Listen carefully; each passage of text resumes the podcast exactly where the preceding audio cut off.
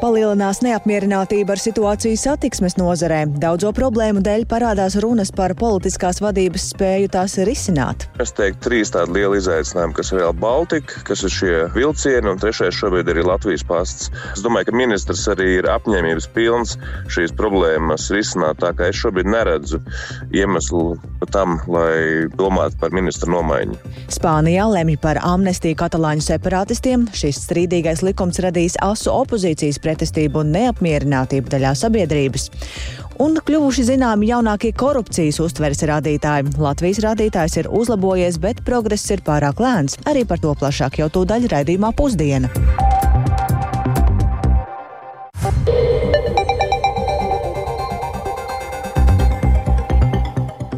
12,5 minūtes skanējumu sāk otrdienas, 30. janvāra radījums pusdiena, lai plašāk skaidrotu šodien būtisko. Studijā Dāca Pēkšēna. Esiet sveicināti!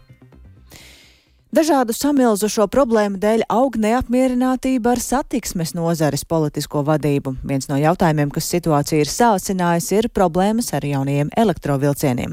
Valdošajā koalīcijā no progresīvo pārstāvja Kaspara Briškena sagaidot skaidrus plānus un tie, tiem tiekot arī solīts atbalsts, bet šobrīd man tiešraidē pievienojas kolēģis Jānis Kīncis, kurš par šo visu ir gatavs izstāstīt vairāk. Sveiks, Jāni! Jā, sveicināti! Pagājušajā nedēļā satiksmes ministram, progresīvo pārstāvim Kasparam Briškenam notika saruna ar premjeru Eviku Silīnu no jaunās vienotības. Un pēc šīs sarunas viņi prasīja skaidru risinājumu elektrovilcienu kavējumu jautājumā.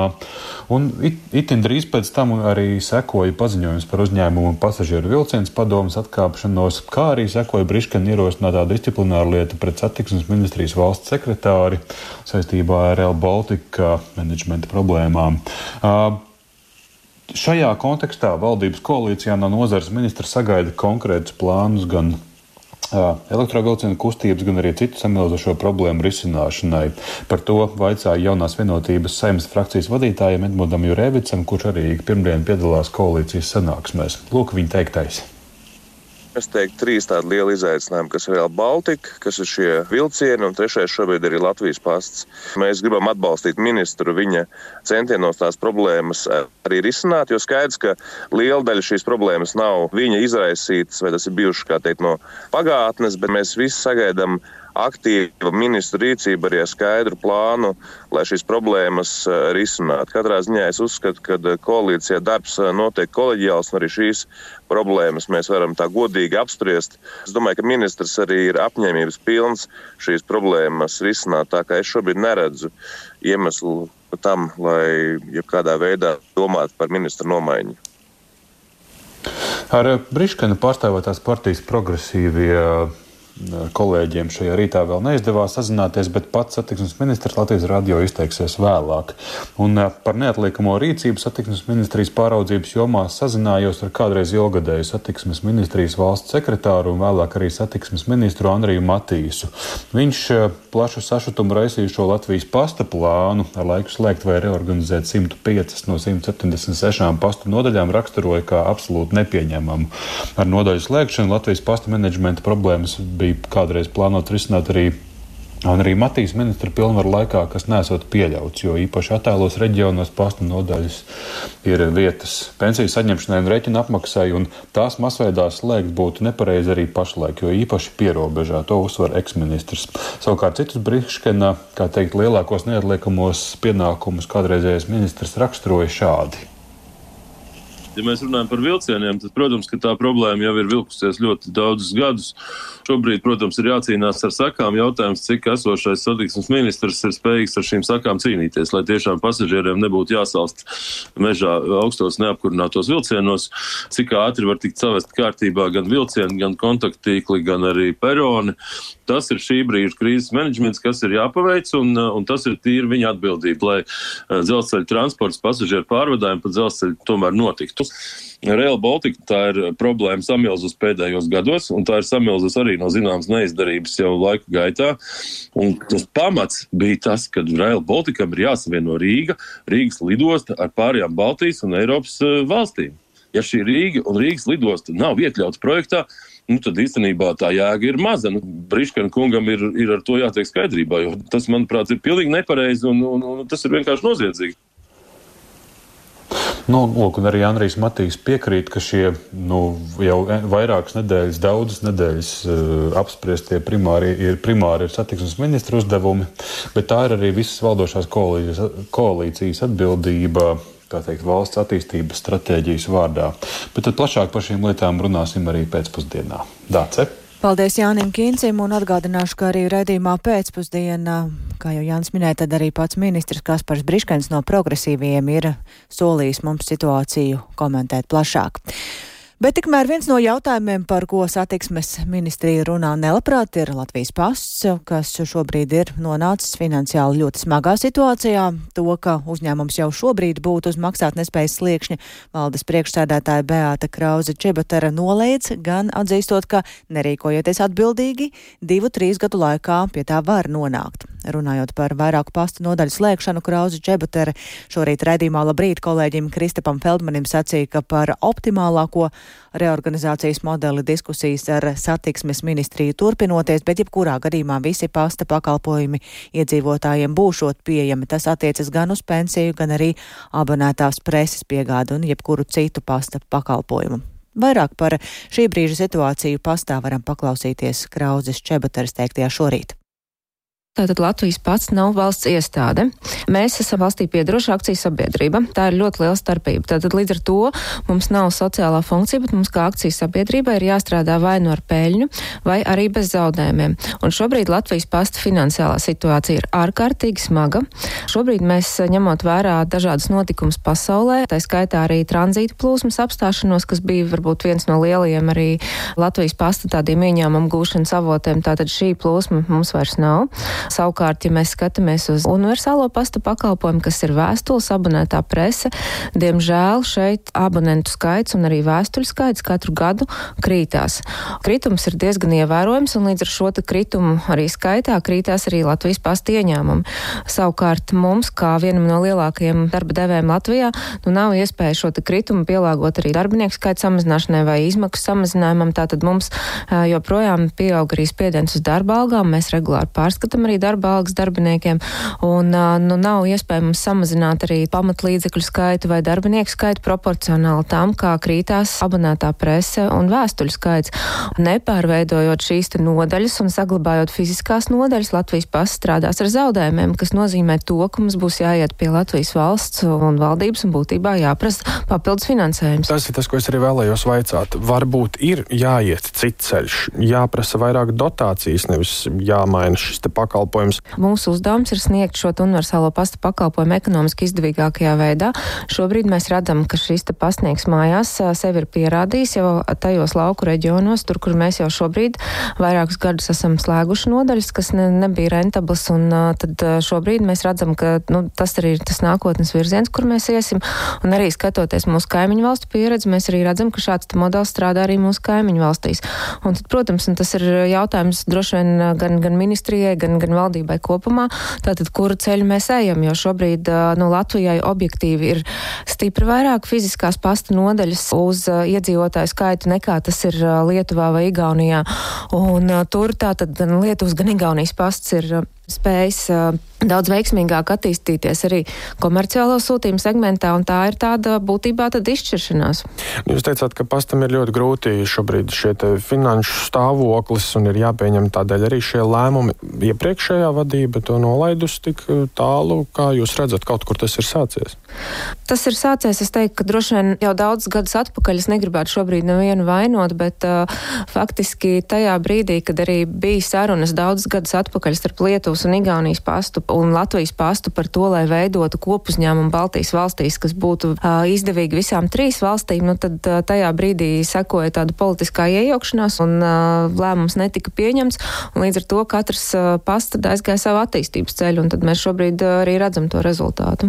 Bet um, kapitāla daļu turētājs satiksmes ministrija arī padome šie visi šo te virzienu, ko esat uzņēmusi, nodaļu šo te slēgšanu, pakalpojumu pārorganizēšanu, tas ir tas, ko arī viņi viņa atbalsta? Nu, šobrīd mums ar satiksmes ministriju joprojām notiek diskusijas par šo jautājumu, nu, un savukārt no, no valdes un padomas puses mēs redzam to, ka ja mēs šobrīd nerīkosimies un uh, neveiksim dažādas efektivitātes pasākums uh, pasta saimnieciskās uh, darbības uzlabošanā, tad, diemžēl, mēs tiešām pēc, pēc diviem vai trīs gadiem attapsimies ļoti smagas situācijas priekšā. Tā Latvijas pasta valdes priekšsēdētāja Beāta Krauze Čebatare par šī brīža situāciju, kas pastam nebūtu nav spoža. Tikmēr nelieli uzlabojumi ir vērojami tajā, kā raugāmies uz korupciju Latvijā. Tiesa gan progress ir lēns. Tā runājot par korupcijas uztveres radītāju secina sabiedrība par atklātību dēlna, lai arī Latvijai ir izdevies pakāpties uz 36. vietu no 100. 80 pasaules valstīm. Darājumā joprojām ir ļoti daudz, un straujākajiem uzlabojumiem ir vajadzīga gan politiskā grība, gan arī aktīvāka privātā sektora iesaista.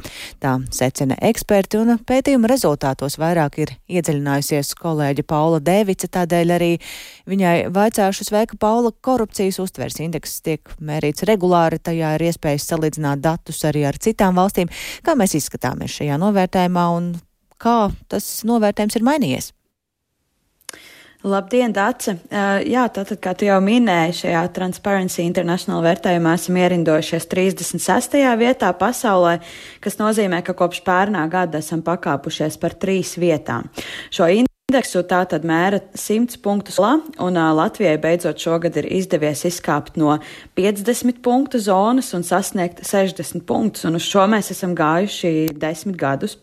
Tas gan joprojām ir kopumā zemāk rādītājs nekā vidēji Eiropas Savienībā.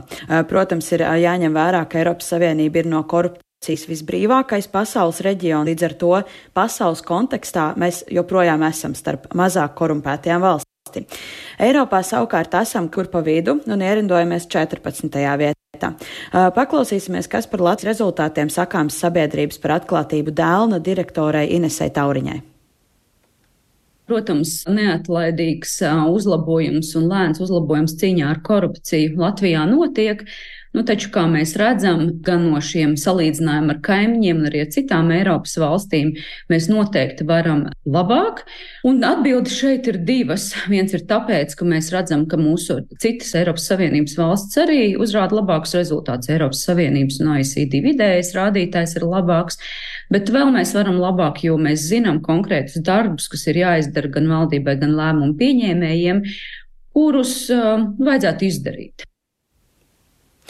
Jā, tātad salīdzinot ar mūsu Baltijas kaimiņiem, esam pēdējie.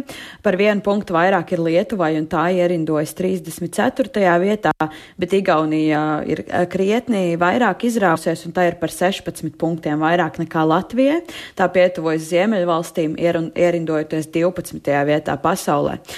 Topa līderos ir Dānija, Somija, Jaunzēlanda, arī Norvēģija, Zviedrija un citas attīstītās valstis, taču korumpētākās valstis pasaulē ir Somālija, Venecuēla un Sīrija. Tātad Latvijas rezultāti pasaules līmenī ir samērā labi, Eiropas līmenī vidēji un Dānas vērtējumā progress šobrīd pārāk lēns. Vēl pateikšu to, ka korupcijas apmērs Latvijā uz katru iedzīvotāju ir mērāms uh, 160 eiro apmērā. Tātad tā ir tā nauda, kas neiekrīt mūsu kopējā labuma maciņā. Dace? Jā, nu tā tad progress ir lēns, bet ko saka eksperti, kas būtu jādara, lai tas nebūtu viss tik lēnu un uh, lai mēs varētu runāt par kādu lielāku izrāvienu?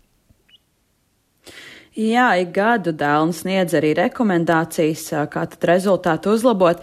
Diemžēl tā fundamentāli tas nemainās, šis tas pienāk klāt, un tas nozīmē, ka tāds nopietns darbs joms uzlabošanā diemžēl īsti nenotiek. Un mūsu pašu nacionālajā attīstības plānā ir izvirzīti mērķi jau nākamajā gadā rezultātu palielināt par četriem punktiem, bet 2027. gadā par septiņiem. Taču skatoties šo te progresu tempu, kā es arī minēju, mēs desmit gadus centāmies izrauties no šī 50 nieku zonas, un tas visticamāk tad nebūs iespējams. Uh, Tātad Dēlnā norāda arī vairākas Latvijas vājās puses. Viena no tām ir publiskā un privātā sektora godprātība, īpaši uzsver liekot tieši uz uh, privāto sektoru, tātad uh, uzņēmumiem. Un vēl viena lieta ir arī publisko resursu izšķērdēšana, kur arī joprojām uh, neuzrādam pārāk labu rezultātu. Un paklausīsimies, kas par šo sakāms Dēlnas padomas priekšsēdētājai Evitai Gošai.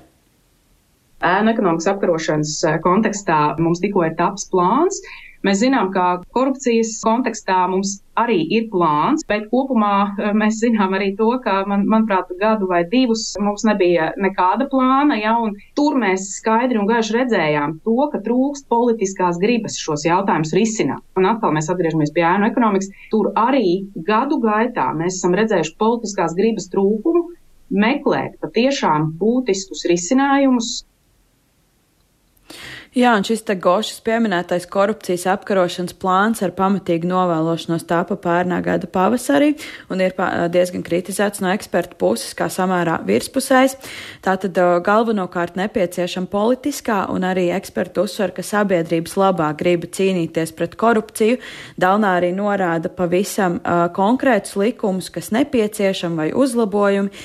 Piemēram, uh, pērn pieņemtais lobēšanas atklātības likums, protams, ir ļoti vajadzīgs, taču ir ļoti daudz daudz neskaidrību, kā šī likuma normas izpildīt.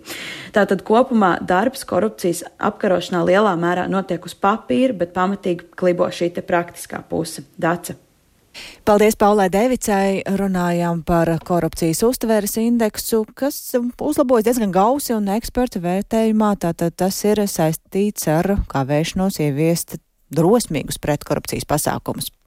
Bet nu gan par to, ka Spānijas politiķi šodien balsos par strīdīgi vērtēto likumu, kas dotu amnestiju katalāņu separatistiem. Tas ir izraisījis asu labējo spēku pretestību. Labējā opozīcijā esošā Tautas partija ir solījusies darīt visu, lai likumprojekts netiktu atbalstīts, taču sagaidāms, ka parlamentam tam tomēr pietiks balsu tā atbalstīšanai un plašāk par notikumiem Spānijā ir gatavs stāstīt Rihards Plūmis. Veiks, Rihard, atgādini šī likumprojekta būtību, kas ir tā pamatā. Jā, labdien! Nu, šis amnestijas jautājums aktualizējās jau pirms eh, vairākiem mēnešiem. Tas toreiz notika pēc parlamentu vēlēšanām eh, pagājušā gada jūlijā, kurās eh, nec kreisajiem, nec labējiem ne, nesanāca izcīnīt absolūto vairākumu. Un līdz ar to premjeram Pedro Sančesam, lai saglabātu valdības vadītāju amatu, bija nepieciešams eh, Katalānijas separātistu partija atbalsts parlamentā. Un um, tad apmaiņā pret to partija kopā par Kataloniju un partija Katalonijas kreisē republikāņi pieprasīja atcelt apsūdzības simtiem katalāņu separātistu. Šāda vienošanās tad arī tika noslēgta. Un uh, paredzams, ka šis pretrunīgi vērtētais likums, um, likumprojekts, par ko šodien būs balsojums, um, attieksies uz tām personām, kuras Tieslietu sistēma meklē saistībā ar neveiksmīgajiem 2017. gada Katalonijas neatkarības centieniem. Pirmkārt un galvenokārt jau tas attieksies uz trimdā esošo Karlesu Puģdemonu, kurš tolaik bija Katalonijas reģionālais līderis un aizbēga uz Beļģiju, lai izvairītos no krimināla vajāšanas. Katalonijas valdības prezidents Pere Aragones apgalvo, ka separātistu amnestija ir leģitīma un piesauc arī piemēru no pagājušā gadsimta. Paklausīsimies, ko viņš saka. La llei d'amnistia és plenament constitucional. Ir jau precedents 1977. gadā. Šis likums piešķīra amnestiju frankistu līderiem. Tātad šodien amnestijas likums ir pilnībā konstitucionāls, un to var īstenot tādā veidā, kas pilnībā ievēro konstitūciju.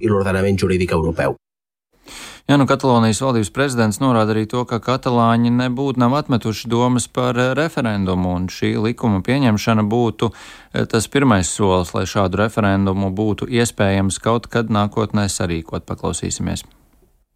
Evidentment, nosaltres eh, apostem pel referèndum. Protams, mēs vēlamies referendumu. Amnestija ir pirmais solis ceļā uz politiskā konflikta atrisināšanu. Ir vēsturisks politisks konflikts starp Spāniju un Kataloniju. Vairākums katalāņu vēlas demokrātiski lemt referendumā par valsts nākotni, un amnestija dos iespēju sākt sarunas, lai lemtu par referenduma rīkošanas nosacījumiem. Les condicions d'aquest referèndum, que és la nostra proposta. Ja, nu, Katalāņu neatkarības centieniem netrūkst pretinieku, un premjera Pedro Sančes vienošanās ar Katalāņu partijām ir radījusi acīm redzamu neapmierinātību opozīcijā un daļā sabiedrības, un labējā opozīcijā esošā tautas partija ir solījusies darīt visu, lai likumprojekts netiktu atbalstīts. Pret separātistu amnestiju ir notikuši arī vairāki protesti, demonstrācijas. Arī aizvadītajā nedēļas nogalē Madridē ielās izgāja desmitiem tūkstošu cilvēku, un ar runu tur uzstājās arī Tautas partijas līderis Alberto Nuņes. Paklausīsimies, ko viņš teica klātesošajiem. Vamos a rescatar Mēs gatavojamies demokrātiski glābt šo valsti. Mēs atjaunosim patiesu vienlīdzību starp visiem pilsoņiem un atdosim spāņiem viņu tiesības, lai neviens viņiem neuzspiestu valsti, kuru mēs neesam izvēlējušies. Spānija netiks maldināta, un šī Spānija netiek pārdota. Vēl jo mazāk to vārdā, kuriem Spānija neinteresē. De aquellos que no les interesa España. Jā, nu tātad centieni apturēt likumprojektu pieņemšanu turpinās, bet vēl jāmin, ka ja arī par likumprojektu tiks nobalsots, tas joprojām tiks pakļauts virknē juridisku pārbaužu, pirms tas varēs kļūt par likumu. Piemēram, Barcelonas maģistrāts ir paziņojis, ka paplašina izmeklēšanu par iespējamām Karlosa Puģdemona saitēm ar Kremli, lai noskaidrotu šajā izmeklēšanā, vai viņš ir meklējis Krievijas atbalstu centienos nodibināt Katalonijas valsti. Un kā vēsta Spāņu laikraksts LPIs izmeklēšanas rezultātā pret Puģdemonu varētu izvirzīt apsūdzības valsts nodevībā, uz ko gan amnestijas likums tad neattiektos. Paldies Rihardam Plūmēm par šo skaidrojumu, un nu, gan atgriežamies pašmājās, jo ir gaidāmas izmaiņas dzīvnieku aizsardzības likumā, paredzot uzlabot dzīvnieku labturības līmeni, to turēšanā, pavairošanā un atsevināšanā, un tik tikko ir noslēgusies sēmas komisijas sēde, kurā par to diskutēja, gatavojot likuma izmaiņas trešajam lasījumam. Diskusijām līdzi sekoja arī korespondenta Agnija Lazdeņa. Sveika, Agnija, un um, izstāstiet, kāpēc šāds likuma projekts ir izstrādāts un uh, ko gal galā tas paredz. Labdien! Likumprojekts izstrādāts ar mērķi veicināt dzīvnieku aizsardzību, novērst nekontrolētu dzīvnieku pavairošanu un atsevināšanu, kā arī samazināt klaiņojošo un patversmēs nonākušo dzīvnieku skaitu.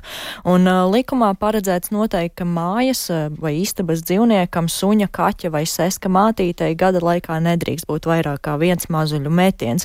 Tāpat grozījumi paredz krietni ierobežot iespējas suni turēt piesietu un tos gadījumus, kad suni būtu atļauts piesiet noteiktu ministru kabinetu kabinets, un uh, pat labi normatīvajos aktos nav paredzēts regulējums attiecībā uz sludinājumiem par suņu, kaķu vai mājas sesku atsavināšanu, proti pārdošanu, un uh, iecerētie grozījumi paredz, ka dzīvnieku īpašniekiem vai turētājiem, ievietojot sludinājumus par dzīvnieku pārdošanu, būtu jānorāda ministru kabineta noteikumos prasītā informācija par dzīvnieku, tostarp tā šķirni, veselības stāvokli, apzīmēšanu un reģistrāciju.